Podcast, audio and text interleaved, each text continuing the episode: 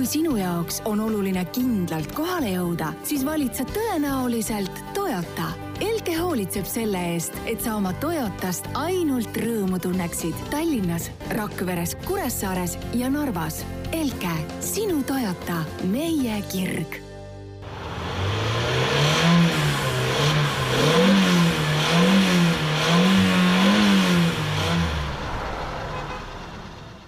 tere tulemast, istmesoojenduse kuulajad äh,! alustame hea uudisega, see kõll, mida te just kuulsite, see ilmselt lähiajal äh, kaob äh, unustusse ja, ja saame, saame hoopis teise kõlli, mis äh, pärineb siis Veli enda autolt äh,, lähiajal siis hakkame sellega tegelema äh,. Veli, räägime nüüd äh, sellisel teemal nagu äh, eestlaste lemmikautod ja seal äh, selles äh, uuringus, mis äh, Kantar Emor ja Kantar DNS siis kokku panid, sealt lähtub üks asi. see asi on see, et mina võitsin ja sina kaotasid jah, tõsi, Volkswagenid on popid ja Subarud mingil põhjusel kukuvad. et selles mõttes küll, et siit joonistub välja niisugune noh, see on tegelikult mingit pidi ka ootuspärane, et äh, kui veel siin mingisugune, ma ei tea, kümme, isegi viis aastat tagasi olid äh, kõigi eelistused ikka niisugune noh, kõik muudkui tahtsid Saksa premium-brändi, siis nüüd äh, tundub, et see, see premiumite ihalus on natuke alla läinud ja inimesed soovivad ja hindavad oma vajadustele vastavamaks siis Volkswagenid ja Toyotasid enim ja, ja veel Škoda on siis äh, kolmas kõige populaarsem äh, mark Eestis, äh, Lätis ja Leedus oli natukene teistmoodi veel, et nende jaoks oli siis see kolmand-, kolmandaks autos, mis seal edetabelis oli, oli Audi nii et neil on Seal ikkagi see pre-, premiumi ihalus veel elab neis. Äh, meie oleme siin äh, muutunud väga tavalisteks äh, inimesteks. ei, võib isegi öelda, et mingit pidi progressiivseteks, vaadates seda, et kuigi meil veel, kuigi meie saadetel kommentaariumides tihtilugu käib ikkagi kakelung just Saksa premium-bänd, brändide eest, siis tegelikult on, on ka see, et äh, see uuring näitab samuti ka, ka seda, et Kiia ja Hyundai äh, populaarsus on ikkagi jõuliselt kasvanud jällegi, et nad on kusagil niisuguse kümne protsendi kandis mõlemad. Škoda samamoodi, et äh, kui siin tehti sedasama uuringut viisteist aastat tagasi, siis olid kõik need kolm brändi, Škoda, Kiia ja Hyundai olid kõik ühe protsendi peal. Praeguseks on Kiia ja Hyundai jõudnud sinna kümne prossa peale, nagu sa ütlesid, ja, ja Škoda on lausa veerand, on ju. ja, ja Škodaga on äh, see lugu muidugi, et äh, tema populaarsus on nüüd ka kasvanud selles mõttes, et teda hinnatakse siis kõige madalamate ülalpidamiskuludega autoks. ja Kiia ja Hyundai lihtsalt noh, nendega on jällegi see, et äh, mida siin juba ma arvan, et vist siis, kui Kiia Stinger tuli kaks või isegi kolm aastat tagasi, siis kaks pigem, siis mida sai ka juba välja hõigatud ja öeldud, et et, et Korea teeb praegu sedasama suurt tulemist, mida Jaapan tegi siin mõnikümmend aastat tagasi. et nüüd on jaapanlased nagu justkui need loorberid, et kõigepealt oli see, et Saksa premium-brändid jäid just, justkui loorberitele puh-, puhkama ja need vastupidavusindeksid hakkasid muudkui kukkuma ja siis tulid jaapanlased, tegid neile ai-ai natukene ja tulid, võtsid turu üle ja nüüd teeb Korea sedasama asja, kui jaapanlased on loorberitele justkui puhkama jäänud, et vaatamegi no, noh, me näeme, et kommenteerijatelt Jaapan..., kommenteerijatelt sa sellise väite eest veel nagu saad kõvasti? no arvata on, aga mingu ja sõitku ja proovigu, et ja vaadaku vastupidavusindekseid, juba kaks aastat tagasi oli, olid Kiia ja Hyundai Saksa premium-brändidest ees, et mis siis veel nüüdseks saanud ja seda näitab ka tegelikult kogu see garantii asi, on ju, et kui sul on ikkagi mm, -hmm. saad lubada seitse aastat garantiid, siis no ega see tõenäoliselt jah, tühi lubadus justkui ei saa, ei, ei saa nagu lubada või ei saa riskida autofirma sellega, et... nagu kahjudesse ei saa jääda sellega, et iga autot peab remontima ühesõnaga, äh, nagu siin sai viidatud, siis populaarsust kaotamas Honda, Mazda, Subaru ja Nissan äh, ja uuringus toodi ka välja üks väga loogiline põhjus ja see põhjus on see, et tegelikult on see mudelivalik, mida meil pakutakse, on väga väike võrreldes sellega, mis ja. kas Jaapanis või USA-s või üldse ülemaailmselt no, saadaval on. paraku kuidagi jah, jaapanlastele hakkab külge säärane igava auto maine aina rohkem, et kuigi siin eelmine saade sai räägitud siin põnevatest uutest jaapanlastest, mida on oodata siin järgmise aasta jooksul. et noh, loodame, et nad kõik siin jõuavad ka meile ja natukene see kuvand jällegi muutub, et tõesti noh, Jaapani autofännina ei tahaks, et, et nad muutuvad selliseks, selliseks igavamaiguliseks, võiks ikka olla midagi põnevat. no ma isiklikult arvan küll, et see on natuke optimistlik prognoos, aga, aga loota ju võime. Rääkides autode igavamaks muutumisest või noh, pragmaatilisemaks muutumisest või kuidas iganes seda tahate nimetada, siis äh, uuriti ka seda, missugune võiks olla kõige populaarsem kütuseliik ja, ja Eestis on praeguseks juba, või noh, kütuseliik on vale öelda, võib-olla ajamiliik, on ju. Mhm. et äh, Eestis on praeguseks äh, esikohal viigistanud äh, bensiin ja hübriid. Nii et äh, hübriidautod on, on saanud väga populaarseks ja arvestades, missugust poliitikat tahetakse Euroopa Liidu tasandil, siis tõenäoliselt äh, tulevikus see on lihtsalt paratamatus, on ju. täpselt. Äh, huvitav on see, et äh, diisel on jäänud sinna kahekümne kolme protsendi ligi ja, ja gaas on üheksa protsendiga veel äh, nimekirjas ja kõigest viis protsenti arvavad, et nende see auto võiks olla elektriline. Vot, et sellised huvitavad trendid ja noh, sellest elektrilisuse hindamisest me saame ju tegelikult aru, et mm -hmm. kui, kui ka meie siin oleme elektriautodega sõitnud, siis eks nendega ju probleeme on sellesama lonkava taristu jah, taristu ja üldse nagu niisugune kasutusmugavus ikkagi paraku veel jätab soovida ja ei, ei võimalda siin sellel buumil juhtuda, mida siin autotootjad ennustavad, et oo, kaks tuhat kakskümmend viis kõik elekter, värgid, särgid, et noh, päris, päris nii lihtne see vist tundub, et veel kohe praegu ei ole. ma küsin väikse sellise spekuleeriva küsimuse, et Heli, kui sa nüüd peaksid eh, kolme aasta pärast ostma endale uue auto, mitte kasutatud auto mm, -hmm. aga uue auto, siis oh, mis, mis auto see oleks? ja, ja ütleme praegusest mudelivalikust mm, -hmm. mis auto see oleks ja missuguse ajamiga see oleks? No esiteks ajamise mõttes mina ikkagi jääks bensiinimootori juurde, mis, mis, mis meil siin põnevat on äh, valikus praegu, mis saada on muidugi. siin on äh, mõtleme ikka praktiliselt ka, on ju, et sa ei siin on muidugi ka see jah, täpselt praktiline külg, teiseks tuleb mõelda ka enda rahalisele võimekusele, on ju, et et kui sa ütlesid, et mitte kasutatud auto, siis ma olen juba orgis, sellepärast et äh, minu isiklik hinnang enamusele uutele masinatele on ikkagi see, et nad hakkavad nii-öelda ühe ülbastuma ja neist kaob seda hinge ja karakterit ja nendega ei saa seda lusti kätte, mis äh,, mis siin ütleme veel kümme aastat vana autoga.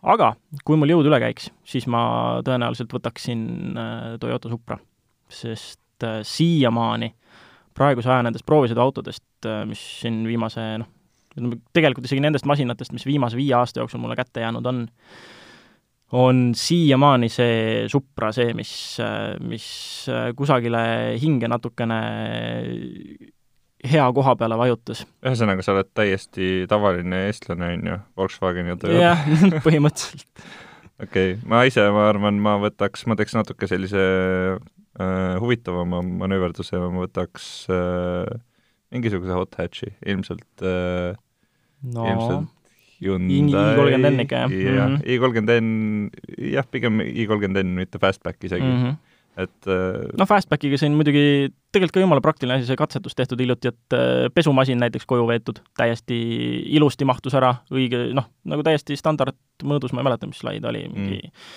Viiskümmend, kuuskümmend no ma, ma lihtsalt ei saa selle vastu, ma olen, mul on sellist äh, hot hatch'ide järgi on mingisugune himu ja ja nagu inimesed küsivad minult ka, et millist hot hatch'i, siis ma olen neile ka järjest soovitanud seda i30N-i, sest ma mäletan seda emotsiooni temaga sõites, ta ähm, noh, ainuke suur miinus minu jaoks ongi see, et tegelikult ikkagi ta on esivedu ja paraku kui ei ole kuiv ja kui ei ole asfalt, siis teda tuleb väga meelitada ja minu see esimene i30N-i proovisõit oli ka talvel.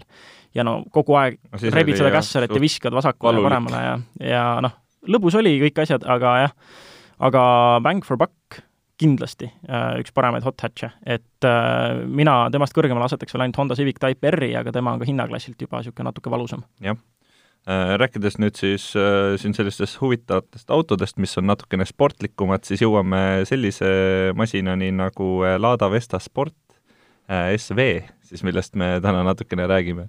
ja, ja kes vähegi Venemaa automaailma uudistega kursis on, siis see teab, et Venemaal on nagu mingisugune paralleeluniversum, kus on täiesti okei okay veel äh, turundada autot niimoodi, et kui sul on üks leht, kuhu sa pead näiteks panema kümme argumenti, miks seda autot osta, siis sa paned sinna, et autol on reguleeritav roolisammas või või et äh, auto on saadaval mitmevärvilisena või Jah. et äh, mingisugused äh, rool, rooli peal on nupud mingid muud sellised argumendid, on ju. ja seal näiteks on see ka, et, et automaatkastid ei ole veel absoluutselt üle võtnud, et seal vist, mis see oli, vähem kui kümme protsenti juhtub või mingi kümme protsenti jaa, see, seal ongi nagu see, et turg on ka selline, et inimesed ei tahagi automaatkasti mm -hmm. ja mis sul siis üle jääb, eks sa siis teed neid manuaalkastiga autosid.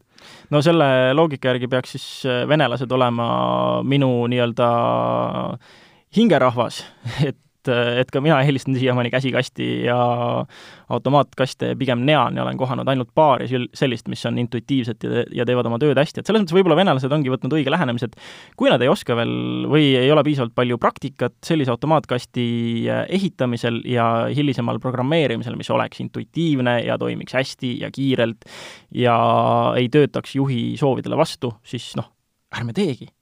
Jätkame käsikastiga, lihtne ja selle Lada Vesta Sport SV kohta on äh, tegelikult väga palju infot ei ole, et natuke pidi kaevama, et äh, et teada saada, millega täpsemalt tegu. näiteks saime teada seda, et äh, see sada nelikümmend viis hobust, mis talle lubatakse, tulevad ühe koma kaheksa liitrisest vabalt hingavast mootorist.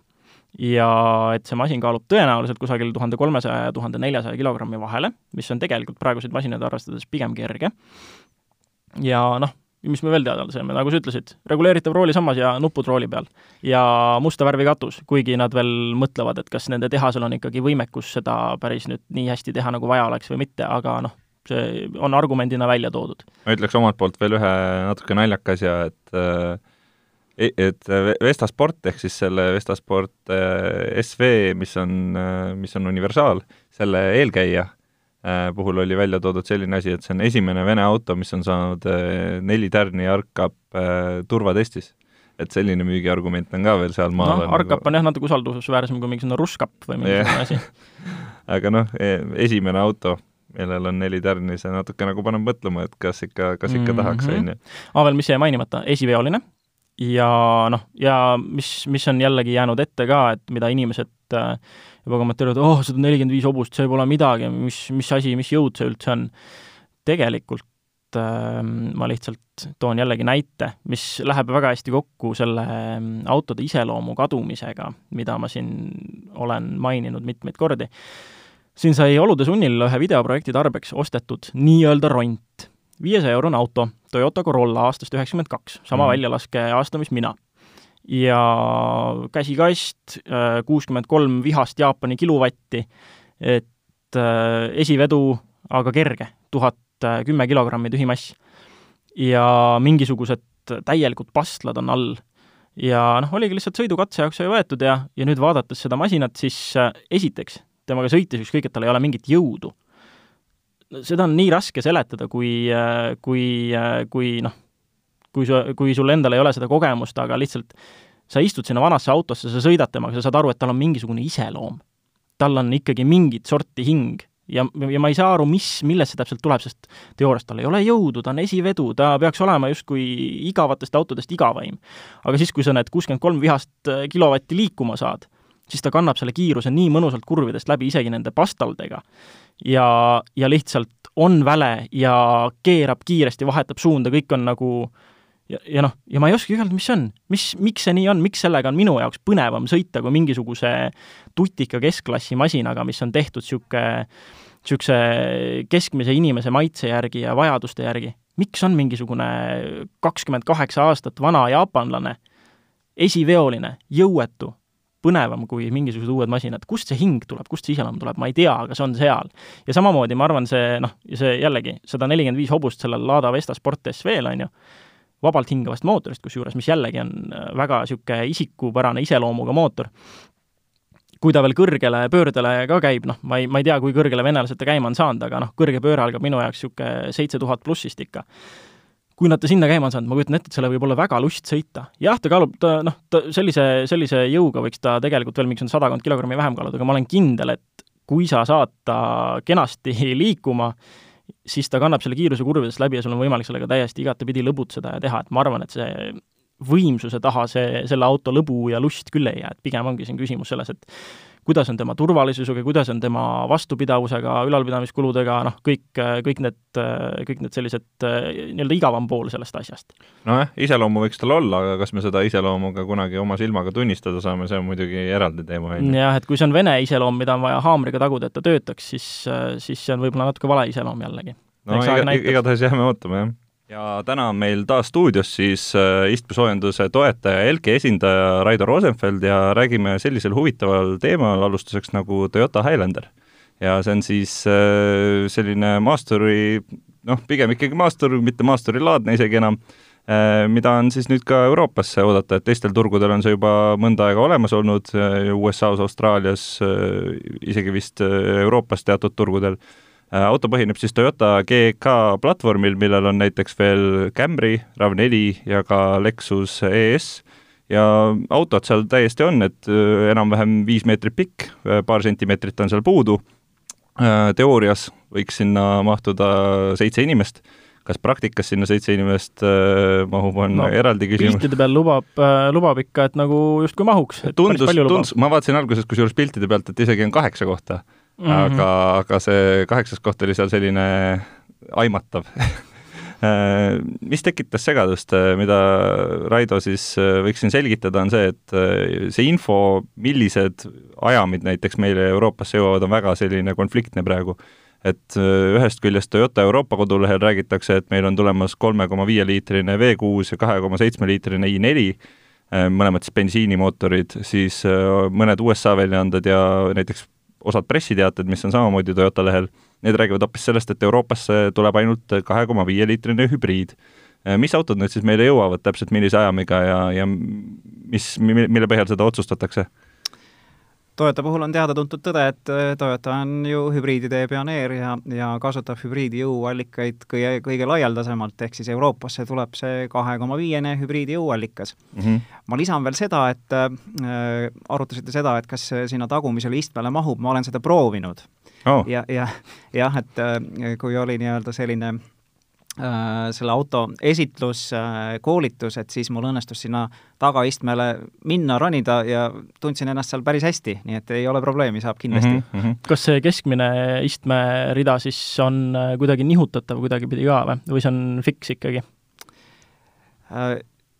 Äh, vot seda ma ei proovinud järgi, et, et see oli selline lava peal ja, ja suhteliselt kiiresti, et, et aga no, ma okay. sain sinna üsna lihtsasti, et, et kas ta oli nüüd asendis ees või, või seal kõige tagumisasendis, seda ma ei oska hetkel öelda, aga, aga ruumi oli seal küll ilusti ja, ja üks kolleeg tuli, tuli ka koos minuga, nii et olime seal kahekesi, väga, väga tundsime mõnusalt ennast. no vot, ühesõnaga täiskasvanud äh, peaks ka ära mahtuma sinna taha ikkagi ja, ja kui sa juba siin istmete nihutamisest, kokkuhoidmisest, kõigest sellest rääkisid, siis äh, kogu see pagasiruumi osa on ka võimalik päris suureks ajada, kui need istmed kõik kokku klappida, nii et selles mõttes on ka tore rääkides veel sellest autost, siis äh, tuleb nelikveolisena, äh, Raido siin vihjas, et esiveolist vist ei tule, nagu mõnedel turgudel on, on, on seda ka pakutud esiveolisena.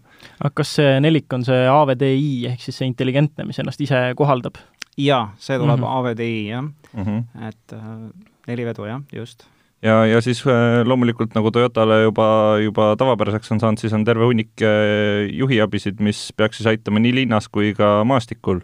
et äh, ühest küljest siis kõiksugu stabiliseerimissüsteemid, teisest küljest kõik jalakäijate tuvastussüsteemid linna jaoks, noh, iseenesest ka maastikul ei tohiks probleemi olla ju tegelikult, kaheksateistkraadine lähenemisnurk, see on, see on enam kui piisav, kakssada millimeetrit clearance'it, noh, mida sa veel tahad võib-olla üks küsimus, mis veel äh, õhus on, äh, puudutab meelelahutussüsteeme, et kui, kui siin on sõidetud äh, Toyota nende proovisõiduautodega, siis on silma jäänud selline mure, et Android autot ja Apple CarPlay'd näiteks ei, ei pruugi leida sealt mingite mudelite puhul, eriti just ütleme, kui me räägime siin aasta tagusest perspektiivist, et kuidas selle autoga on, kas seal, kas seal on see ikkagi olemas?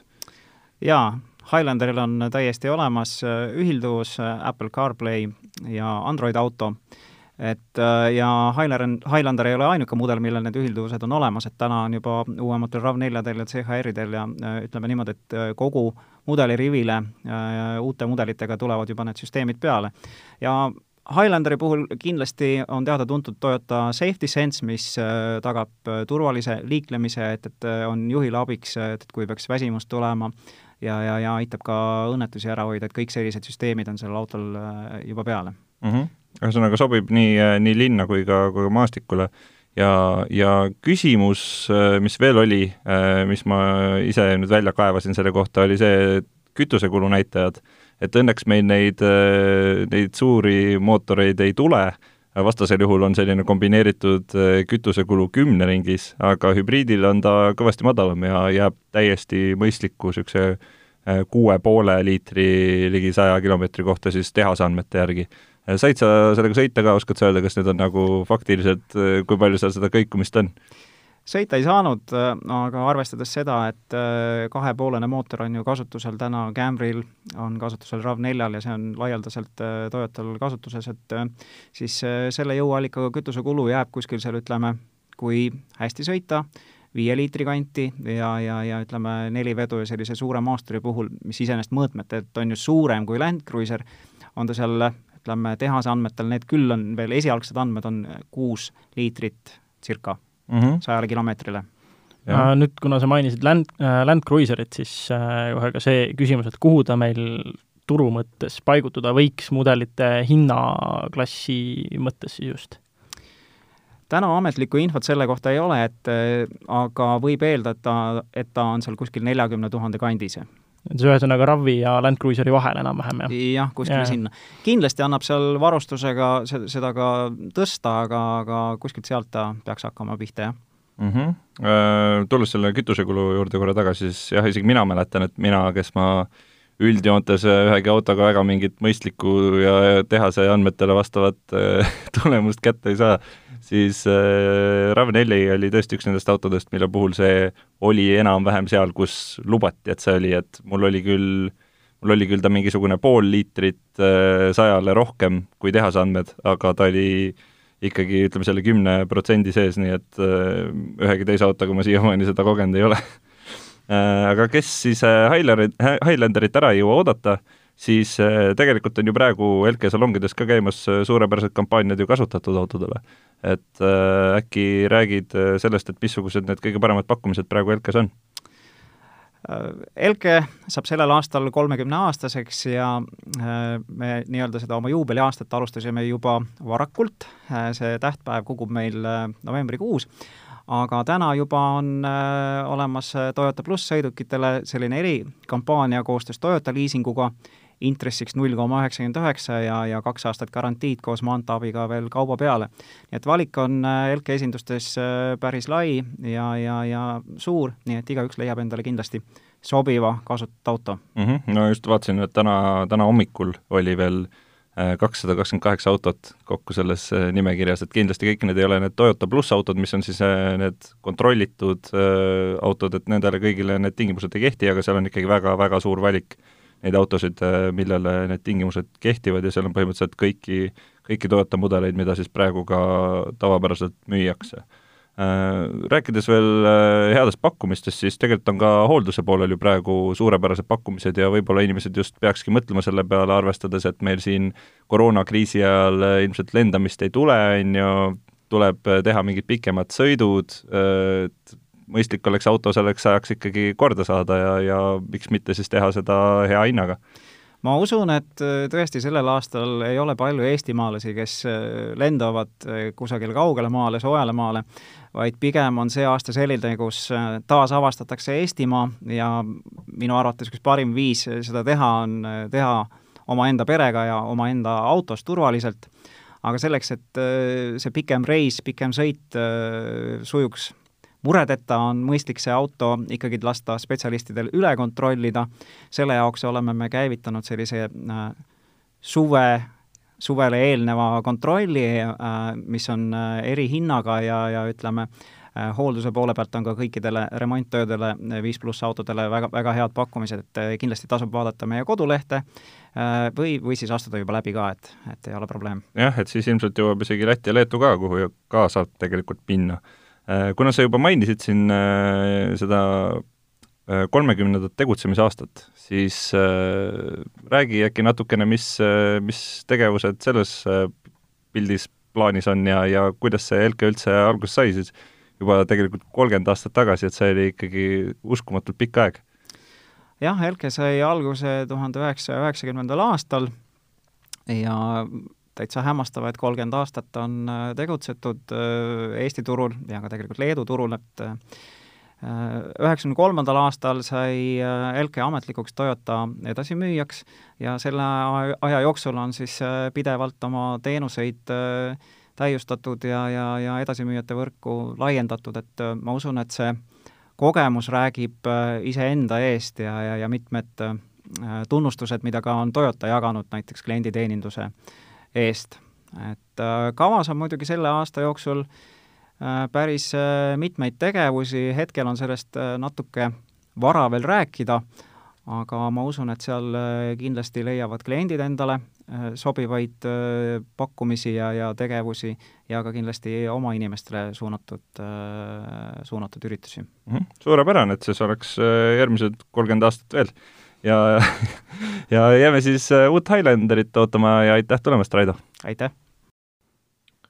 ja oleme jõudnud nüüd äh, seekordse proovisõiduauto juurde ja selleks oli siis äh, Jeep Cherokee. Saime siin ilusti sõita, kaheliitrine, kahesaja kilovatine mootor bensiiniga, nelikvedu, mitte, mitte ainult esivedu, nagu, nagu osadel turgudel ka variandiks on. esimene küsimus kohe sinu äh, kütusekulu, kui palju see oli? Äh, kusagil jäi vahemikku kaheksa koma kuus kuni kaheksa koma üheksa. ahah, ta oli siis, äh, see oli kombineeritud või see oli? see oli ikka kombineeritud jaa okay., nii linda, lin-, linda, linna kui äh,, linna kui maanteed. okei okay. äh,, nagu ikka, siis äh, ma arvan, et keegi ei imesta, ma suutsin välja sõita sealt kaksteist. opadi ma ei tea, kuidas see võimalik on, aga, aga, aga nii ta on, ma vaatasin äh, enam-vähem tegelikult see jääb eh, isegi normide piiresse, kui mm -hmm. vaadata, noh, kaksteist oli seal äh, te, autotehnilistes andmetes linnasõiduks oli niisugune enam-vähem keskmine, nii et tegelikult ei ole hullu. Mida siis selle Cherokee kohta öelda? esimene asi, mille kohta ilmselt peaks rääkima, on see interjöör interjöör on selles mõttes huvitav, et see on hästi tüüpiline Ameerika auto interjöör. ja üleüldiselt ma juba tahan öelda seda, et see kõik selle auto juures, lihtsalt kogu see tundmus ja tunnetus on nii üldine Ameerika kui olla saab ja sellest tõenäoliselt tuli ka minu see kütusekulu, et ma kehastusingi selleks äh, täiesti selleks sihtgrupiks ja kulgesin ja kruiisisingi lihtsalt rahulikult, ei vajutanud jõuliselt, ei teinud mingeid lolluseid, sõitsin temaga rahulikult, nautisin ja jah, no ongi täpselt, ta on, ta on sõitev tugitool. kas kolm XL äh, jääjäuk oli ikka topsi hoidjas äh,? Ei, seda ma ei leia lihtsalt Eestis kuskilt paraku jah, ma olen, ma olen täiesti nõus, hästi ameerikalik igapidi. ta on nii pehme, nii si-, selles mõttes, et sa istud sinna, ta on pehme ja sa sõidad temaga ja ta kaldub ja, ja vajub ja kõigub ja on niisugune pehme üleüldiselt, et äh, läbiv, läbiv tunne on niisugune lihtsalt äh, pehmendatud, mugav ja, ja selline see eesmärk ei ole seal mingit sõiduemotsiooni või midagi pakkuda, et ta ongi lihtsalt no Ameerika kehastus selles mõttes sellega on minu arust äh, huvitav see, et see, seal on mingi selline väikene ebakõla sees, ma ei saa aru, mille mm -hmm. jaoks see auto täpselt on mõeldud, on ju. sest kui... tal tegelikult on maastikuvõimekust jaa, kui me on... mõtlemegi, kui me mõtlemegi Jeep, on ju, mhm. Jeep paneb kohe silme ette mingisuguse sellise teise maailmasõja aegse hästi robustse, robustse jah, mhm. läheb kõigest läbi, on ju ja, ja kui me seda autot vaatame, siis seal üritatakse nagu otsida seda tasakaalu sellise linnasõidu või selle, täpselt see, mida mm -hmm. nagu mhm. ameeriklane vajab, et sa tiksud kuskil ummikus rahulikult, on ju, see jook ongi seal topsi yeah. hoidjas, on ju, ei pea nagu kõigi nende asjade pärast muretsema, siis äh, samal ajal ta on nagu ära kaotanud selle Jeepi essentsi või selle aga see on, nad on laiali vedanud selle teistesse mudelitesse, neil on ju mingisugune Trailhawk või mingisugune asi, mis on veel mm -hmm. rohkem maastikule mõeldud. ja selle Cherokee'ga samamoodi on see, et teda on arvustajad, noh, ma ütlesin, mina ei viinud teda kuskile maastikule. sina vist tõenäoliselt ka mitte, ma, ma, ütleme niimoodi, ma tegin väikse sellise eelsissejuhatuse, aga ilmselt igaüks, kes nagu vähegi maastikusõiduga tegelenud on, teab, et ütleme, laias laastus seitsekümmend protsenti maastikusõidust on rehv ja kolmkümmend protsenti on Mhm. auto, on ju, et ma võin selle linnasõidu rehviga selle sinna maastikule viia, aga ma olen seal viie minuti pärast kinni. ja selles mõttes ma ilmselgelt ta võimeid nagu piirile Mhm. seda võimete piiri ei hakanud nagu otsima. aga point on see, et tal peaks seda võimekust kõvasti olema, see on jälle sama, noh, see on jälle sama asi, mis on siin äh, mis masinatega, issand, ma ei tea, kuidas see siia, kas see sobitub siia üldse nii hästi, aga kunagi näiteks Porsche Cayenne Turbo ja samamoodi ka Lamborghini Urus, et nendega on ka mingisugused hullud arvustajad, ongi proovisõidu jooksul vahetanud ära väljad ja rehvid ja läinudki maastikule, kurat, nendel masinatel on maasikuvõimekus ka. et ma arvan, et Cherokee'ga ka samamoodi tõesti, sa viskad sinna mingi teise välja ja rehvi alla ja, ja täiesti, täiesti tehtav, ainuke asi on see, et tal on hästi palju lihtsamaks tehtud äh, kõik need sõiduprofiilid ja asjad. et jällegi niisugune võimalikult vähe tõmblemist selleks, et temaga toime tulla, et seal on lihtsalt üks pöördvalits ja seal on tal lumerežiim, seal on tal mingi mudarežiim, et tal ei ole mingeid lukke ega mingisuguseid asju, et ta ei ole nagu tegelikult äh, noh, ta ei ole ilmselgelt selles mõttes päris maastur. mm. -hmm. Huvitav oli ka see, et oli sportrežiim olemas tegelikult ja, Jaa. ja no mis, mis see number siin oli, seitse koma kuus oli vist sajane? seitse koma kaks äh, isegi no, ütle, vist. ütleme seitsme kanti. seitsme ringis, on ju. et äh, noh, ma ei tea, kas see oleks see auto, minu, minul isiklikult oli nagu kohati oli natuke hirm, isegi linnasõidul oli kohati mm. -hmm. hirm. et kui keegi näiteks ootamatult ees pidurdas, siis see auto on ikka paras kobakas ja Jaa, tema nagu äh, ta pidama saamine ei ole selline kogemus, et sa tunned, et sul on see auto nagu kontrolli all terve aeg. ma natukene nagu muretsesin selle pärast ja ma arvan, et kui ma hakkaks temaga, keeraks ta sinna sporti ja hakkaks temaga räigelt kuskil kütma, siis Mm. mm. see ei oleks ilmselt see kogemus Jaa. mida, mida nii mina kui ka see auto tahaks. Jah. et selles mõttes äh, ilmselt ei ole, ilmselt ei ole päris see auto, kuigi seda me näeme ju ka üha rohkem, et ka sellistele autodele, millel seda sportvõimekust ei ole, pannakse üha enam külge kas äh, see võimalus, et sa saad kasti panna sporti, see võimalus mm, -hmm. et Mhm. sa saad mingisuguse sportrežiimi seal sisse lülitada, on ju. Minu arust on see nat- natuke nagu naljakas. see on jälle see niisugune üleüldine standardiseerimine, mis lõppkokkuvõttes põhjustab selle, et kõik uued masinad on niisugune ühtlane mudru ja kusagilt sa seda emotsiooni enam otseselt äh, kätte ei saa, kui sa just päris sportautode poole või päris maastikuautode poole ei vaata. et kõik see, mis nende vahele jääb, on nagu niisugune ühtlane läbisegatud pudru lihtsalt. jah, see on nagu, see on natuke enesepettus ka, et, et see, juht vaatabki, oo jess, et autol on sportnupp olemas mm -hmm. või Mhm. siin saab selle spordi peale keerata, on ju. Kui ta korragi oleks vä- vähegi sõitnud mingisuguse sportlikuma autoga, siis ta saaks mm. -hmm. aru, et see on kõik üks suur nali. ja, ja need nupud tuleks sealt autodest ära koristada tegelikult, sest et see on lihtsalt nagu piinlik minu arust. Äh, Kaks asja, mis mul veel, mis ma kähku mainida tahaks, on see, et äh, esiteks, super helisüsteem, aga üks viga, mis ma tabasin ja ma ei tea, millest see on, kas see on äh, selle auto enda Bluetoothi ühilduvus või midagi, aga vahepeal hakkas krõpsuma lihtsalt muusika kuulates ja ma ei, ma ei, noh, see krõpsumine on umbes sarnane, nagu kui sa sõidad mingi vanema autoga ja sõidad üle mügarike ja CD-plaat või midagi sul seal sees hüppab, siis ta nagu justkui hüppab üle, on ju. et mingisugune sarnane krõpsumine tekkis Bluetoothi ühendusega ja ma, ma ei saanudki aru lõppkokkuvõttes, milles see asi oli, kas see oli mingisugune levijura või see oli ilmselt Bluetoothis, sest et mul Mhm. oli täpselt sama probleem mm -hmm. ja Mhm. ka üldjoontes mul on täpselt sama nagu kommentaar selle helisüsteemi kohta. ülihea, ma olin üllatunud äh, Jaa. sellest, kui nagu kõik oli väga puhas, kõik sagedused jaa, olemas nagu jaa, täiesti ja bass oli nagu, bass Oo oli jaa. hea, aga Mhm. see ei peksnud üle mm. -hmm. selles mõttes oli ideaalne tasakaal selles ka, on ju. ja, ja tegelikult, kui, kui panna juhe taha, panna kas Android auto mm. -hmm. või äh, Apple CarPlay, siis Android autoga sedasama krõpsumise probleemi ei olnud, ma proovisin okay. nii, nii Bluetoothis kui ka, kui ka juhtmega. ja hea uudis on see, et tõenäoliselt see on easy fix selles mõttes, et kui, kui see on Bluetoothi ühilduvus, siis tõenäoliselt esinduses on täiesti võimalik see asi korda teha ja ilma mingi kuluta omanikule, et see kõlab nagu autopoolne või tootjapoolne viga. no loodame, aga Jah. see teine tähelepanek, mis sul veel oli? teine oli see, et äh, automaatkast kohati jäi uimaseks, see on hästi Ameerika autodele omane jälle, et äh, sul on, kui sa sõidad selles tavarežiimis, siis äh, sul on seal mingisugune niisugune, ütleme, gaasipedaali asendist sõltuvalt ta siis ilmselgelt äh, ja pöördest, pöördele vastavalt vaatavad, mis käigu ta sulle vahetab. ja seal on mingi nii-öelda, nii-öelda päris tuntav hall ala, kus sa nagu vajutad pedaali mingi piirini ja siis sa oled täpselt seal piiri peal, kus kast veel mõtleb, ei, siin ma veel ei vaheta, ma veel ei vaheta ja tegelikult juht juba tahaks. et ta kuidagi, ta natukene töötab mõnes, mõnes, mõndades tingimustes vastu. et oligi see, et tahaks nagu minna ja siis maru kaua läheb aega, et ta vahetaks käigu alla ja, ja, ja see oli just kõige tavalisem sellistes olukordades, kus sa näiteks lähened ristmikule, sa pidurdad ta kergelt maha, vaatad, et tee on vaba, astud uuesti pedaalile ja siis tal on korra niisugune, mis käik, mis mm., millise ma nüüd panen, ja siis, ja siis ta otsustab ära ja siis sa lähed, aga sul tekib selline sekund, äh, sekund kõhklust, kus ta üritab aru saada, et mida nüüd temast tahetakse. võimalik, et see on jällegi äh, noh, moodsate masinate värk, õppivad automaatkastid, on ju, võimalik, et ta võtabki, kogub seal andmeid juhi äh, sõidumaneeride kohta ja ja õpib ennast ühe inimese käes lõpuks selliseks, nagu see inimene tahab, aga, aga minul jah, ta jättis sellise kõhkleva mulje kohati. ma seda probleemi küll ei täheldanud, aga, aga kui sa ütled, et see on olemas, siis ju see on olemas. Äh, nüüd räägime su MR2-st oh,. üks veel äh, hinnaklass ka äh, Cherokee'le, et algab neljakümnest tuhandest eurost, et mm. see ja jaa, hind on, hind on tegelikult okei okay selle kohta, mis on ja, selline suur äh, linnamaastur ikkagi võrdlemisi, noh, mitte ja, ülemäära suur, niisugune keskklassi aga, aga nüüd siis MR2 juurde. jah, jälle see hobiauto värk, et äh, auto siin pikalt seisis äh,, ootas siin kriisi taga, ootas siin rahaliste vahendite taga, ootas siin pealehakkamise taga, aga lõpuks sai tehtud see, mis oli pikalt plaanis, et äh,, et äh, põhja siis katmine lõpuks. et ma olin selle juba ammu ära teinud, et põhi haljaks lasta mm.. nii roostest kui seal vanast mastiksist kui kõigest, mis seal oli, mille all oli rooste elama hakanud seal Šotimaa niisketes oludes.